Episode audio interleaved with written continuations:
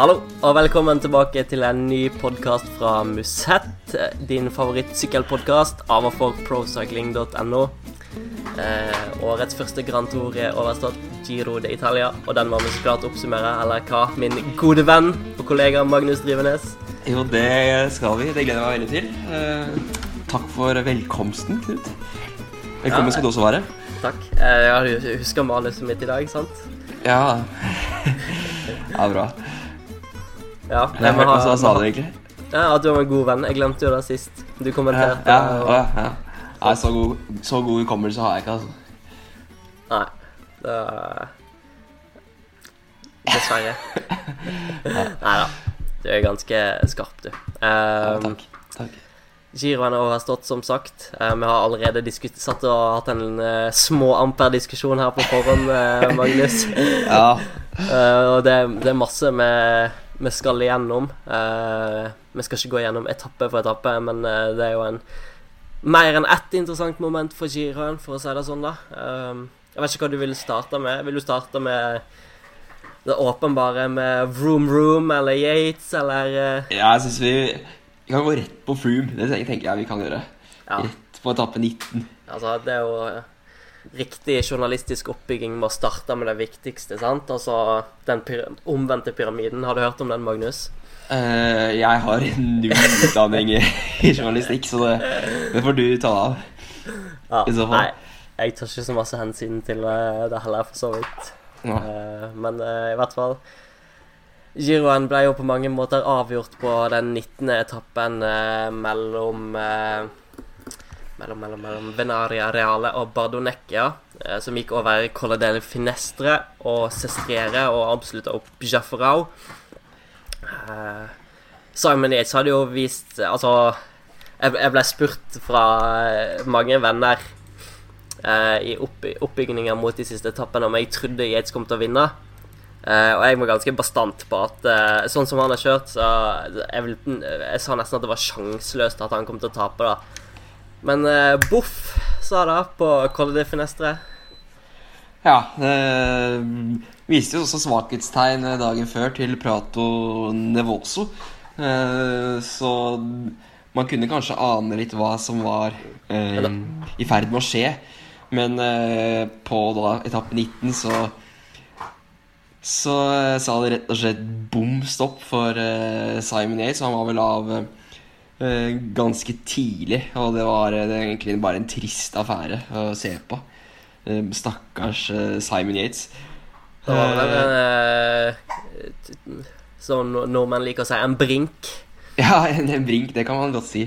Altså, Brink fikk jo da hjerteflimmer, så det var da en medisinsk årsak til det.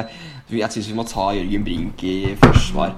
Han har kommet sterkt tilbake ved senere anledninger og vunnet Vasaloppet tre ganger.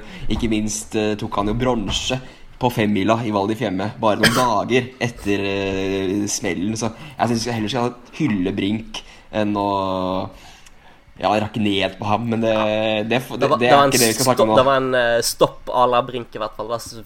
Stoppa Ja, det var ikke så det var, det var, Vi kan heller sammenligne det med, med meg i Vasaloppet i år. Eh, det er en mer fair sammenligning for Yates, tenker jeg. Nei, men det var trist. Eh, man føler jo selvfølgelig med Yates når han eh, måte må tape så mye der at det går, det går det ser, Man ser at det går sakte, på en måte. Og det Sekundene bare tikker og går, så det, det er bare trist. Ja. Eh, et interessant moment med det er jo at Yates hadde snakka altså, rundt tempoen, og etter tempoen vår hver. Han gjorde en ganske grei tempo. Og Veldig god tempo. Veldig god hadde, tempo. hadde minuttet til Dummerland. Uh, så alt uh, Altså, han leder fortsatt med ett minutt på den rosa trøya. Med den rosa trøya på Dummerland før de siste etappene. Uh, men han sn snakka om det på pressekonferansen etterpå. Så ble han spurt liksom om ja, rittet videre og sånt. Og så sa han at han, han ikke hadde tenkt på det, og at eh, de hadde sett på frem til tempoen. De hadde liksom fokusert på det. Uh, så det jeg tenker, er at kanskje han har lagt så masse energi han, Altså, han har rett og slett gjort giroen til et toukersritt. Og så har det bare sagt bom stopp. Jeg vet ikke hva du tenker om det. Ja, det høres ikke ut som en helt ulogisk forklaring heller, da. Han har uh, Altså var vel tre etappeseiere der. Han kjørte jo helt vanvittig offensivt. Og man lurte på når skulle det egentlig si stopp. Spesielt etappen til Zapada var jo helt enorm. Eh, men eh, han kjørte jo også en veldig god tempo. Og så det er på en måte litt rart. da Så var det den etappen Viviani vant eh, etter tempoen, hvor det var det var veldig hardt kjør eh, hele veien, egentlig, stort sett. Og det og så den etappen hvor han begynte å vise svakhetstegn, så gikk det jo helt rolig hele veien. Jeg synes det er litt På en måte litt uh, rart. På, man kan lure på hva som har skjedd, eller om, om han rett og slett bare gikk tom for krefter, eller om det var ja, ja, Han har slurvet med ernæringer, eller hva som helst. Uh, Sportsdirektør i uh, Mitchelton Scott, Matt White, sa at han, han tømte seg fullstendig på tempoen. da ja. Så da kan jo så klart ha noe å si. Hvis du ikke Altså, da hadde han allerede kjørt Var gjennom tre, to knallharde uker, uh, og de etappene han vant uh, Ja, han la, han la, nok kanskje mer i det enn han burde gjort, men samtidig så måtte han jo òg gjøre det for å få den tida på Eller han følte han måtte ha den tida på Dumoulin, men samtidig hadde han jo òg etapper til å ta det igjen på noe etterpå her. Så spørsmålet Altså, han burde kanskje tatt det litt mer rolig de første to ukene, da. Ja, det kan for, for vi, så, vi, så, jo på Bardonecchia-etappen og og den til eh, Cervinia, eh, hvor masse tid som var mulig å hente der. Ja, ja selvfølgelig. Og de, det, var, det, var, på en måte de to desidert hardeste etappen også i giroen det året. Men uh, eh, tenker jeg litt sånn eh, Den eh, tempoen da den kom da dagen etter en hviledag. Og han har, kjører jo ikke han trener ikke akkurat sånn enormt mye på temposykkel, vil jeg anta. Og Nei, som om Så, så du tempoet? Uh, sånn halvveis. Ok, Nei, for han, han, satt, han satt veldig masse sklei på setet. Contador i Contadors stil? Ja, du har sikkert sett det før. At du, du, sklir frem, og så hopper du opp igjen, så sklir du frem. Altså, det, var, det virker veldig åpenbart at han ikke For sånn som Froome og Dumoulin, de sitter bom fast på det setet. Mm. Ja, nei, men uh, jeg vet ikke om det kan ha måte, ødelagt noe rytme, eller hva det kan ha gjort, da, men ja, du, ja. du, aktiverer jo en del andre muskelgrupper når du sitter sånn, sant? Ja. Og så kan det ha vært noen låsninger og den slags, så det veldig relevant i hvert fall. Ja. Nei, men uh, det var trist det at han ikke ikke holdt hele veien, dessverre. Ja. Han er jo litt Litt sånn ryttertype man kan hylle, da. Litt sånn Ha litt punch og ha guts. Eh, sånn som den etappen han vant eh, eh, Den hvor det var litt brostein sånn, inni den byen hvor Dumoulin drev og jakta. Mm. Eh, jeg tror det var dagen før 17. mai. Så eh, det er sånne etapper han, han elsker. da Det er, det er vanvittig gøy også for publikum, da. Sånne etapper. Ja. Han, eh, han mestrer det. da Uh, men grunnen til at han sprakk uh, Eller er flere grunner. Men uh, det var blant annet uh, det hardkjøret Team Sky satte opp. Salvatore Puccio kjørte voldsomt hardt inn i bakken, og så fortsatte de én etter én oppover før de kom inn på grusen. Og Kenny Ellisond akselererte med Froome på hjul før Froome gikk av gårde sjøl med, med 80 km til mål. og fikk ei gruppe bak seg etter hvert med Tom Dumoulin, eh, Ricard Carapaz, Thibaut Pinot, eh, Thibaut Pinot sin lagkamerat Sebastian Reichenbach og Miguel Angel Lopez. Eh, så de var fem ryttere der da bak. Eh, det var litt dårlig samarbeid der, blant annet, så Froome han holdt unna over Colledil Finestre, over Sestriere, ned dalen til Bardonecchia, opp Jafferau og vant etappen med tre minutter. Og med tanke på at Yates sprakk, så satte han seg sjøl inn i rosa trøye. og så klart, eh, Twitter og alt som eksploderer, kan eksploderte. Eh, med tanke på Froome sin pågående salbutamol-sak, Team Sky sin historikk, og det var sammenligninger med Floyd Landis og det ene og det andre. Eh, og det er jo absolutt grunn til å, å være skeptisk til Team Sky. Gitt historikken deres de siste årene. Og ja. Det er mye å ta tak i her, Magnus. Ja, det, det kan man si. Jeg, jeg vil først og fremst bare si at uh, jeg syns uh, denne etappe 19 Den uh, klarte jeg ikke helt å finne glede i å se. Uh, litt av de omstendighetene du nevner. Og eh, ja Man minnes jo eh, Floyd Landis og denne etappen til Morsin.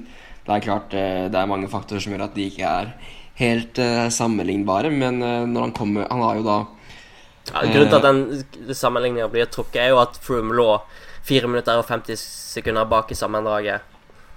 Hovedsakelig. At han lå så langt bak at han hadde ikke vært helt på topp gjennom hele rittet. Så det er veldig lett å trekke den ja, ja, for han hadde jo tross alt vært en skygge av seg selv på omtrent alle etapper utenom eh, Sonkeland-etappen.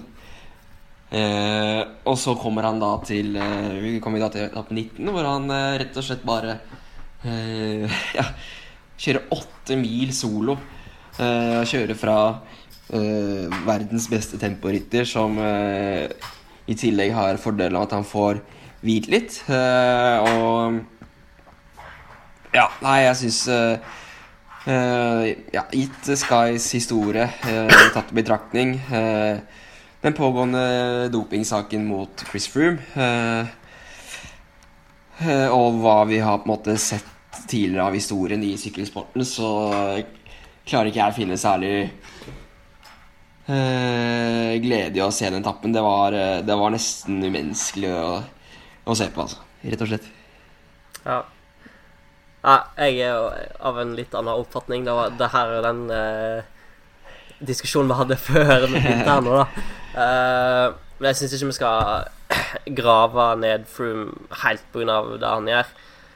Uh, først og fremst så har det vært en veldig hard giro, uh, og du kan så klart argumentere med at med tanke på at Froome var dårlig i starten og ble bedre, så er ikke det logisk. Men fyren har vunnet fire Tour de France. Kan, vi kan spekulere så masse vi vil i om det er skittent eller ikke, eller om han er like skitten som alle andre. Uh, men han har en uh, palmares da, som tilsier at han er veldig bra til det her. da. Han kan det her. Han har, uh, har, vist at han har veldig god restitusjon, som er en av grunnene til at han har vunnet fire Tour de France og én Vuelta, selv om den Vuelta-tittelen er litt i, i limbo nå, da.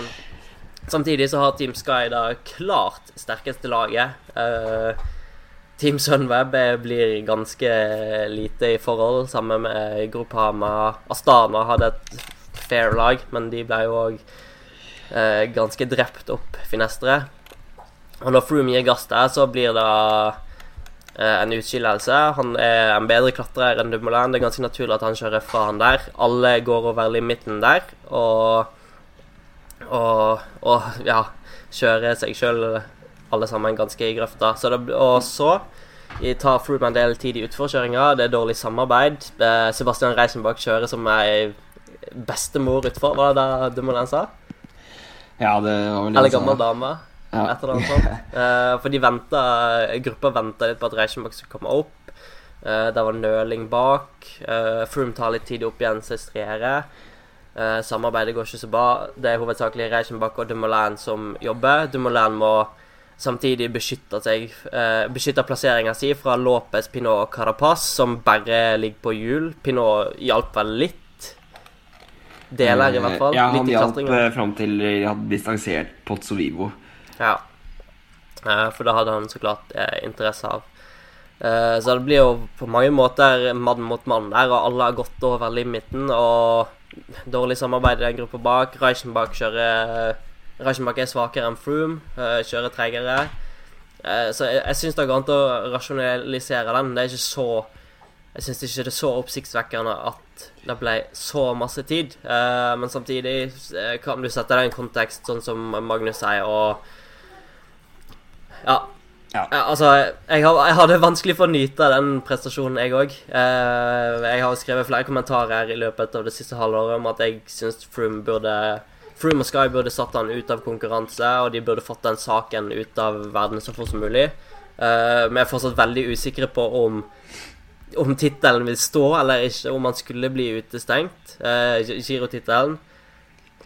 Uh, folk mener det ene og det andre.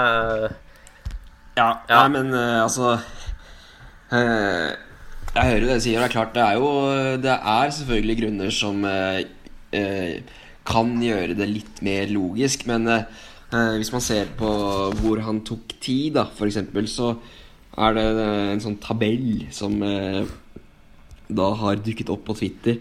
Eh, som sier han tok 42 sekunder opp Finestre. Eh, han tok 44 sekunder ned eh, Finestre, så da tok han jo ganske mye tid ned, Men der, det var jo der de ventet på Reichenbach. Eh, Ja. de fikk ikke kjørt så bra etter da heller, for så vidt. Nei, eh, og så tok de da 21 sekunder på den falske flaten der, og så, tok Altså, Froome tok 21 sekunder. Så tok Froome 58 sekunder opp Sestriere. Eh, og eh, 15 sekunder ned eh, Sestriere, før han tok 24 nye sekunder eh, på vei inn til den siste bakken, hvor han der tapte ett sekund, da. Eh, og så Ja, jeg tenker at eh, eh, verdens beste temporytter, som igjen må eh, Jeg får eh, hvile. Eh, Altså, han får eh, Han får spart seg litt eh, når han får eh, ligge bak eh, Reichenbach og til dels eh, Pinot. Eh, så er det på en måte merkverdig da hvordan Froome bare fortsetter å øke. Eh, eh, uansett, da. Og da eh, Det der med at Tom Dumoulin må, må forsvare seg mot uh, Lopez og Carapaz, det uh, henger jeg ikke helt med på. Han har jo over Det er vel hovedsakelig tre- nå kanskje han må Ja, uh, ja, men han har fortsatt Pinot og Carapaz Lopez er jo fortsatt over tre minutter bak han i sammendrag, ikke sant? Jo da, så klart. Men hvis, altså, hvis han gir bånn gass hele veien i terrenget som favoriserer han, så risikerer han jo å få det så sjukt igjen på, opp til Jafrau. Og uh, han fikk jo en del igjen for, for det opp der òg. Ja, ja, men eh, klart han må jo uh, Han har vel såpass god kontroll, tenker jeg, på sin egen kapasitet at han måtte, måtte Og han kjørte uansett for For rosa trøye, og det var, Froome var uansett en mye større trussel for den rosa trøyen enn det Pinot Lopez og Carapaz hadde vært uansett, da. Eh, og, bare det å få eh, Man kan jo si at okay, Reichenbach eh, er ikke like sterk som Froome, det det er jo alle enige om. I alle terreng. Men når da Dumoulin får Får den hvilen, da, og så Re- Reichenbach får også muligheten til å hente seg litt i rygg på Dumoulin, så syns jeg det er bare rart at Froome bare tar sekunder på sekunder uansett, da. Uansett hvilket terreng det er. Eh, så eh, Ja. Jeg syns det er veldig merkverdig, da. Spesielt eh, når vi på en måte har alle disse gråsonehistoriene eh, gråsonehistoriene til Team Sky, og ja, spesielt den saken da med Chris Froome, som er på en måte toppen av isfjellet. Så eh, ja. Jeg syns bare rett og slett det er ukult eh, eh, ja, hvordan det blir. For at det, prestasjonen blir så monstrøs, da. At eh, ja. ja. Men det er klart man kan rasjonalisere det Ja. med at eh, Reichenbach eh, kjørte som en bestemor utfor, sånn som eh, Tom Dumoulin sier sånt. Men at han tar på en måte tid uansett, det, det syns jeg er eh, i, I 80 km! Ja, spesielt når man har sett at han har vært eh, såpass tam da, og tafatt gjennom hele giroen. Med unntak av altså Sonkolan-etappen og til dels den Prato Nivås-etappen hvor han kom til mål med Dumoulin og Pinot Pozzovivo osv. Så, videre. så ja, syns jeg det er eh, Det er veldig rart, da.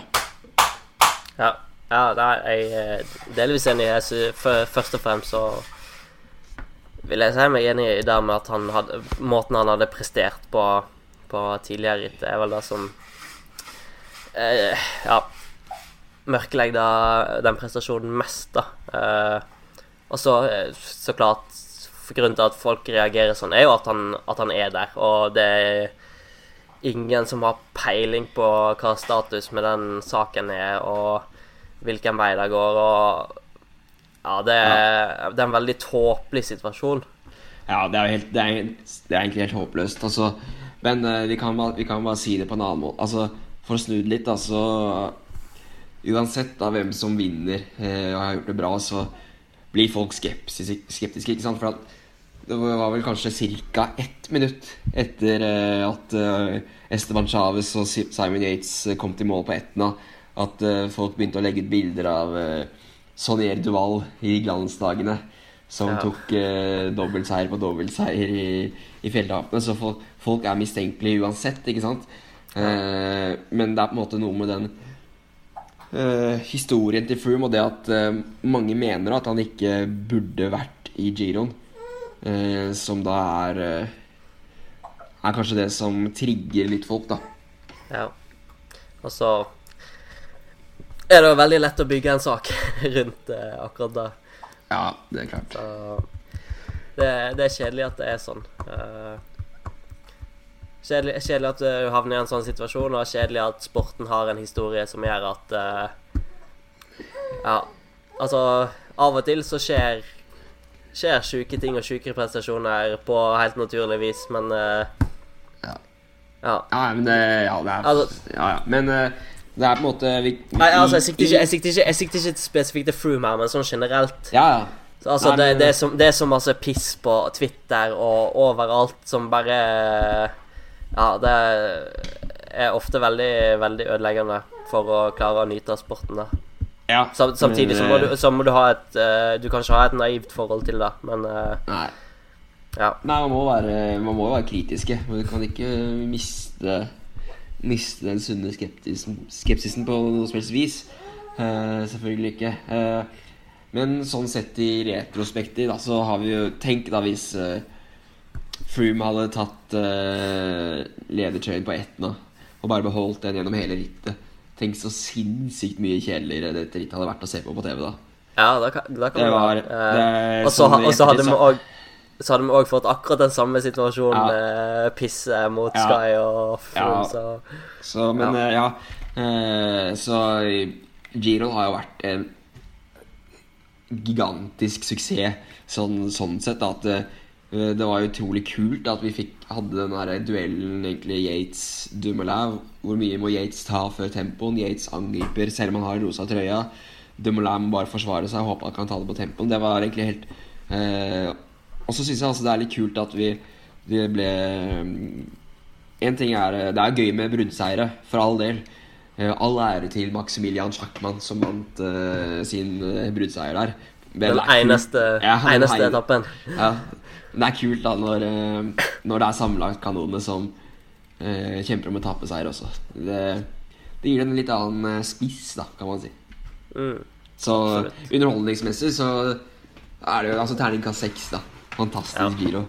Ja, det var, hver, hver eneste etappe var bånn pedal, fyr og flamme og, og 50 000 høydemeter og alt Ja, det Ja. fullstendig klikkings. Ja, Det sier jo litt når uh, Yates og Pinot går på de smellene de går på, så Men uh, ja.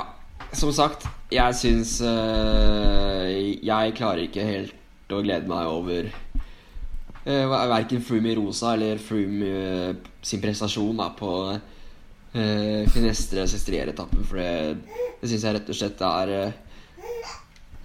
Ja. Eh, Mildt sagt suspekt, da. Ja, det er det. Uh, absolutt går an å argumentere Argumentere for det. Uh, uh, ja, Fr- Froome hevder jo fortsatt uh, hardnakka at at når ting kommer fram i lyset, så vil folk forstå hva som har skjedd med den prøven hans i Vueltaen. Eh, ja, eh, for sporten sin del så kan vi jo håpe at det er blitt gjort en feil, da, så vi slipper mer uh, mer dritt med topprytterne som blir, blir tatt. Uh, men det er jo umulig å si hvilken vei Ja. det, det går der. Uh, Ja. Nei, det Ja. Det er vanskelig, og vi sitter jo ikke på innsiden der, men eh, Ja. Jeg har slitt litt med å se hvordan han skal klare å frikjenne seg eh, der, men eh, altså, tiden vil vise. Altså. Så er det også litt sånn Når er det her kommer til å bli avklart? Eh, det vet vi ikke. Tenk hvis han vinner eh, eh, Vinner Tour de France også. Eh, da, altså, da risikerer vi helt seriøst at eh, at én rytter blir fratatt tre eh, Grand Tours på, på et år. Og det er jo egentlig helt vanvittig i så fall. Ja. Han kan jo så klart få en veldig forkorta suspensjon som gjør at det ikke skjer, men det er en, det er en viss Ja. fare for det. Ja. Eh, og ja, he- hele, hele den situasjonen setter jo sporten i et sånt Altså, det er jo derfor både jeg og du mener at han burde vært uh, midlertidig suspendert. Uh, og Ja. ja, du, du er enig? ha- Hadde de vært i MPCC, altså lagenes egen forening mot en kredi, kredibel Ja. For, for, en, for en kredibel, ikke mot en kredibel. Ok, ja, for, for Ja, ikke sant, mot doping, da. Eh, Den foreningen der, eh, noe Sky ikke er, eh, så hadde han jo da vært utestengt. Eller altså, så hadde de vært pliktige til å utestenge han, og det er Ja. Også, ja.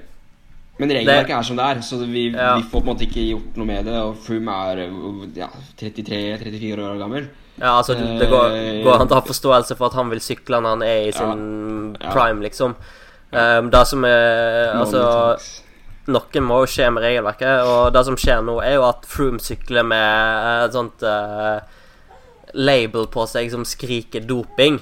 Fordi Ja. han blir assosiert med den salbutamolprøven, uh, og at det er uavklart. Og det, det ser så forferdelig dumt ut for sporten når uh, når eineren i verden sykler rundt med en sånn, sånn merkelapp. Uh, Ja. Og det, det er fryktelig ødeleggende, og det er jo òg derfor du får sånn vanvittig eh, skepsis og surhet rundt, rundt sporten. Og det ser man også nå med, i langrenn også, med hvor både Johaug og med Johaug-saken og Sundby-saken. Eh, også litt hvordan det var i, under OL i år, da, hvor eh, eh, det var vel Ragnhild Haga som vant 10 km, og så var eh, overskriften på tysk, i tysk media var eh, eh, Noch ein astmatiker mit eh, OL-gull. Eller noe sånt. Ja, var det bra tysk? Ja, det tok jeg helt eh, uten ordbok, så ja. Nei, ikke sant. Eh, så eh, det er klart det blir eh, Setter ikke akkurat eh, sporten i noe positivt lys, gjør ikke det. Nei. Eh, vi får gå videre. Uh, Giroen var som sagt eh, et eh, fyrverkeri uten like. Um, er det noen ryttere, prestasjoner, temaer uh, du vil hoppe videre på? Uh, skal vi ta spurten, eller? Ja, eh, det kan vi gjøre. Eh, ja, fryktelig tynt spurtfelt i år. Jeg endte opp med at Viviani og Bennett tok Tok begge to tre, eller? Ja, Viviani tok vel fire. Ja, Viviani tok fire, og, og Bennett eh, tre. Eh, Ja. Ingen andre spurtere som eh, tok noe. Eh, generelt ganske tynne spurtlag, eh, som igjen kan muligens relateres til at det er kutta ned fra ni til åttemannslag i år. Og eh, jeg, jeg hadde i hvert fall personlig forventa at eh, en av de andre spurterne som eh, Danny van Poppel eller Bonifacio, Modolo At en av de her skulle klare å, å snike seg til en. Uh, men uh, de, var, de var ganske langt ifra. Uh, Bennett og Viviani var ganske overlegne. Ja, de var det. Og det er klart, eh, vi kan jo si at vi er skuffet over ryttere som Van Poppel, Bonifazio, Model osv. Eh, men eh, på den annen side så må vi si at det har vært gøy da med en skikkelig duell i spurtene. Bennett mot Viviani. Det har på en måte ikke vært noe sånn at han ene har vært suverent mye bedre enn den ene andre. Fordi mye tendensen i, starten der var jo at Bennett kom fram for sent, mens Quickstep timet det helt strålende. Eh, men eh, Bennett fikk etter hvert ganske bra futt på fart på sakene, og spesielt den eh, etappen da hvor som Sam Bennett vant, hvor Ja, da den etappen hvor Betancourt og sånt angrep, husker du det? Ulissi og Betancourt. Og så var angrepet han inn på den motorbanen der. Eh, så viste han jo klasse da med den langspurten. Så Nei, det har vært eh, ganske fet, eh, fet, fete spurter egentlig i giroen. Og så eh, er det jo interessant det Stein Ørn da har sagt eh, i intervju på Pro Cycling, hvor han har da uh, ditt eksklusive intervju med Steineren etter, etter en lang sykkeltur i Bokna ja, I ja. Bukken, heter det, tror jeg. Bukken har vært på langtur i Bukken. Ja. Sjek- sjekket ut regionsmesterskapsløypen i Region Sør sitt eh, regionsmesterskap, som da er om Er det denne uken? Eller neste uke? Shout-out, i hvert fall, til det regionsmesterskapet. Eh, I hvert fall så er da eh, Sa da Stein Ørn det at eh, Quickstep De har jo på en måte Ja eh, stålkontroll i spurten. Eller de har så bra lag, da. Både i California og i Giro Italia, De er så sterke at de uansett omtrent får spurteren sin eh, fram i posisjon når de vil. Eh, og det ser man også på Viviani. Han plukker jo seier etter seire. Ganske bra sesong hittil i år. Eh, etter han gikk, gikk til Ja, gikk til Quickset, da. Og da syns jeg det er litt sånn interessant å se på, da. For vi vet jo at Eller det var rykte, ryktes jo i fjor da om Kristoff kanskje skulle dra til Quickstep.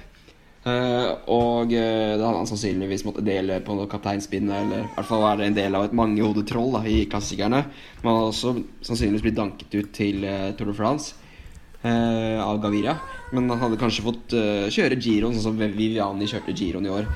Og tenk på alle de mulighetene Kristoff hadde hatt med et skikkelig Ja, med et lag som Quickstep rundt seg. Da, med en rytter som Stybar, som bare dunker fram i tet med Sabatini på hjul. Og så blir han avlevert i gullposisjon gang etter gang. Tenk, bare tenk eh, hvor mange etappeseiere vi kunne fått. da Eller vi kunne i hvert fall fått et par-tre, tenker jeg. Eh, fra, sånn som vi så i EM i fjor, for eksempel. Så altså Kristoff og, og Vi har altså, vært en del dueller mellom Viviane og Kristoff. Og det er ikke noe gitt at Viviane er en utpreget bedre spurter enn det Kristoff er. Men nå må han klare seg helt på egen hånd uh, i UAE. Og tenk som bare hadde kjørt Giron på UAE også. Det kunne fort endt opp med Med en etappeseier eller to. Selv om han uh, De bygde jo laget ganske så saftig rundt Fabio Aro. Mm. Det var da du skrev i saken din òg, som Steinar sa, at uh, nå når Alex er så alene, så må han basere seg på flaks. Uh, og da, da er han ofte ikke i posisjon til å matche Eller han er aldri i posisjon til å kunne utfordre Viviani og, og, Ja. og Koda, selv om han kanskje eh, har potensial til å slå dem. Ja, altså det, er, det aldri flaks når Viviani vinner. Og det er ikke flaks de gangene Bennett vinner. Han har hatt ganske bra, uh, bra lag rundt seg, han også, så Ja. Ja, det er jo, egentlig hovedårsaken til at det var de to som vant eh, alle spurtetappene. Det var jo at de hadde veldig eh, gode opptrekk, veldig uh, spissa mot å vinne de etappene, da, og de lykkes 100% med det. ja. Man så jo på siste etappen der, så vant jo Bennett. Bennett hadde hjulet til Viviani, og da så man Matej Mohoric gjorde en egentlig ganske ja, veldig god jobb da på, med å plassere Nicolo Bonifazio fra, foran i spurten. Og eh, målet der var sikkert å plassere Bonifacio på hjulet til Viviani, men så klarte han det akkurat ikke. Måtte kjempe med, med Bennett om hjulet, og så måtte han ta en del vind, og da eh, Det er klart, da er du sjanseløs, da. Men hadde han kommet rett inn på det hjulet, så eh, hadde i hvert fall ikke Bennett vunnet. Eh, så det er eh, Ja. Laget har mye å si, eh, og Ja. I hvert fall eh, kanskje sånn som spurten har utviklet seg nå, da, at du eh, Du er på en måte avhengig av å eh, ha menn rundt deg på de siste kilometerne, og ikke minst den siste kilometeren. Eh, er det noen andre momenter vi skal trekke frem Eh, noen andre momenter fra rittet? Ikke nødvendigvis spurtene. Eh, Jeg, jeg syns Jeg må si de etappe fire og etappe fem. Det er mulig vi snakket om det her i, i den forrige Snakket om etappe fire, i hvert fall, men ikke Ja. fem. Det var de etappene som ble vunnet av Tim Wellens og Enrico Battaglin. Og de eh, jeg kan, jeg kan bare ikke få hyllet de uh, etappene nok. Det er litt som, det er litt som Askerunden da, på turrittkalenderen. Du har, eh, du har den fantastiske bakken opp til mål som alle venter på. Eh, hvor eh, det ikke er Det er, det er for hardt for, eh, for eh, spurterne som Bennett og Viviani, men det er også for, eh, for lett da for eh, Froome og Dumoulin og gjengen. Så det er en måte Det er en bakkespurt, og det er og så er det så gøy da når vi har en bakkespurtekspert. Altså Enrico Battaglin. Det er jo det han kan. Altså han, han, har, han er sånn grei til å klatre. Han er sånn middels og spurte. Men eh, disse, disse korte bakkeavslutningene, det er hans spisskompetanse. Og det, det, er, det er fett når han lykkes, det må han bare si. Absolutt. Uh, Hatt, hatten av. Hatten av. Og så er det altså kudos også til uh, arrangøren for å legge inn sånne etapper. Fordi de er, de er spenstige, rett og slett. ja, og nå hadde vi Nå var det sju etapper var det vel, som endte i spurt. Uh, fire til Viviani, tre til Bennett. Det var vel ingen utenom det? Uh, nei, ikke som jeg husker. Nei, Du hadde den Mohoric gikk inn, som kanskje kunne endt i spurta, men der ble det jo et fryktelig kjør. Men Bennett spurte vel inn i gruppa bak, tror jeg. Ja, han ble nummer tre på den etappen. uh, Ja. Men det var jo ikke noe lag som var i stand til å Nei. samle det der, så Altså, det var, det var en sju-åtte spurtetapper, da, cirka. Ja. Ish. Eh, og det er vel strengt tatt mer enn nok, egentlig. ja det Altså, ja, eh, det er vel omtrent samme fordelinga i Tour de France, selv om det er enkelte etapper der som er litt eh, Men det er veldig gøy at de legger det opp sånn, med så masse kuperte etapper. Mm. Stiller jo så klart ekstreme krav til lagene, og spesielt de som vil hevde seg i toppen i sammendraget, da. Men uh, vi så jo i år at vi fikk et helsikes ritt. Ja. Nei, det var egentlig action på alle tappene. og det var ikke mye sånn Jeg husker eh, da det var eh, Da man så Tour de France på TV i sånn 2007, og så var det spurtetapper. Eh, og så begynte sendingen på TV2 så klokken halv tre eller noe, og da var jo alltid etappen satt, og de bare satt og koste seg, og så ble bruddet kjørt inn, og det ble spurt, og så var det liksom Det var standarden, da, men det, det var aldri noe sånt det var, vel, det var den ene etappen til Prato også hvor eh, Sjakkmann vant, hvor det virkelig gikk rolig i feltet. Men eh, ellers Ja, så var da- det mye da på var- én strek og helt eh, kaos. Ja, for den eh, etappen der så tror jeg bare de var dritlei av å sykle fort. Ja, Men eh, det, det er jo eh, akkurat det der med hvordan det blir kjørt på etappen, er jo litt interessant. For det er jo veldig mange av etappene som blir vist fra start til slutt nå. ja, Eh, og det har jo så klart en effekt med tanke på, på de lagene som går i brudd og vil i brudd og vil vise seg frem. Og, og de har jo en helt annerledes sjanse til å vise at de fortjener plassen sin i rittet, spesielt wildcard-lagene. ja. ja. Og Andro, var det Androni som Ah, var i var i brudd hele tiden. Marco Nei, fra Porti og Ballerini og gjengen. ja, de, endte, de, de endte vel opp med innlagte spurtreier, tror jeg. Jo, det gjorde vel det. Det var Ballerini. Eller fra Porti, jeg husker ikke. En Ja. av de to. Tåpeligste trøya ever. Ja, ja, men det, det er det er skaper, jo, skaper jo faktisk litt action, da. Ja, er du gæren. Um, jeg var litt, litt skuffa over at vi ikke fikk uh, større kamp om klatretrøya. Uh, Ja, men, men det er jo Altså uh, Chichone prøvde vel på den etappen eh, På den trøya ganske greit, men uh, det er klart når Christopher Froome ikke har han har omtrent ingen poeng før etappe 19, og så tar han alle uh, klatringene der, og så vinner han uh, klatretrøya pga. det. Da, Ja. da, da tenker jeg da må du revurdere hele Altså, ja, hva er eh, vitsen, det- liksom? Ja, det er jo meningsløst. Og så Froome eh, fikk vel totalt eh, Han og Sky fikk sånn totalt eh, 200 000 euro eh, ish for, uh, for giroseieren, alt inkludert. Eh, men vet, vet du hva pengepremien for å vinne klatretrøya var? Har ingen anelse. 5000 euro. Så Ja. du kan jo regne ut hvor resten kom fra, da. Sant? Ja. Uh, og det sier, det jo seg sjøl at det, det, det Altså Hvis noen skal litt Hvis noen andre enn Chikone Chicone skal gidde å prøve på den trøya, så må du skape litt mer prestisje rundt det, og du må legge opp systemet annerledes. Ja, helt klart. Det er eh, Det er egentlig helt uh, tåpelig sånn som det var nå, da. At eh, eh, Ja. Jeg er helt enig i det du sier, Knut. Det er egentlig et ganske godt poeng. Takk. Ja, det for en gangs skyld. Nei, men eh, det, det er klart eh, Mer prestisje. Et uh, system som gjør det uh, Gjør at det ikke blir sånn som nå, da. Det er klart uh, Chima Coppi Klart det skal uh, være Ja, belønnes at man er først over det, men på en sånn tappe som det er der, så ja, ble det helt håpløst, dessverre. Ja. Yes. Skal vi kalle det en dag? Ja, Eller? det, det kan vi gjøre. Det er jo fint vær ute, så jeg må bare ut og sole meg mer. Ja, du, du jobber jo også, du, altså, du multitasker fryktelig sterkt her. Ja, jeg, du ser jeg er brun. Ja. Ja, ja. Litt brent oppå hodet. Ja altså, det der uh, topplokket ditt lever farlig nå. ja, det kan du si. Men uh, du skal leve litt farlig, på, på grensen. Det, det tenker jeg. Men det, såpass må vi, må vi i disse dager. Ja, du, er- altså, du er jo eh, ganske miljøbevisst, sant? Eh, ja.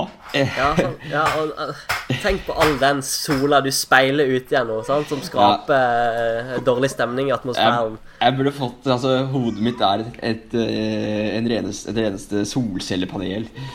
Så det burde, burde vært Det er en ny gründeridé. At Ja. skalla, skalla menn burde få solcellepanel. Kunne lade telefonen sin eller noe. For, det for eksempel. For eksempel. Ja, det det er bare å melde seg på. eh, Ja, jeg skal meg på, på Skaperen på TV2. ja, skaperen, ja. Det var det jeg tenkte på. Ja. Sånn, ja, altså Fritt frem til å bruke den eh, ideen til Magnus. Meld deg på skaperen, og så, så tar vi det derfra. Altså Alle inntekter går til podkasten her. Uh, ja, det Skal vi unngå at han ungen din driver og surrer i bakgrunnen på fremtidige podkaster, så, så må vi nesten gjøre det. Er ikke det bare god stemning, da? Det er god stemning. Altså, Det det, er- det, det er- det er en det kommende veld, veld, Veldig autentisk, da. Ja, det, det kan man si. Ja, men det er greit. Eh, vi, vi takker av der. Uh, som vanlig så anbefaler vi å, at du følger med på uh, ditt favorittsykkelnettsted, procycling.no. Les alt av sykkelnyheter der. Magnus, anbefalinger, sakanbefalinger der nå. Eh, ja, Lunke har vi jo en sak på. Det blir mest sannsynlig ikke Tour de France for han. Eller han må prestere over evne. Eh, så det vil jeg anbefalt å gå inn og lese om. Eh, og så kommer det kanskje noen interessante saker om uh, f.eks. Froome og regelverket. Får han beholde giroseieren sin hvis han blir dømt? Hvem vet? Kanskje du blir litt klokere hvis du leser procycling.no de neste dagene. Norske procycling.no setter standarden i, eh, i, i, den juridisk, i den juridiske debatten. Ja, vi Det kan være.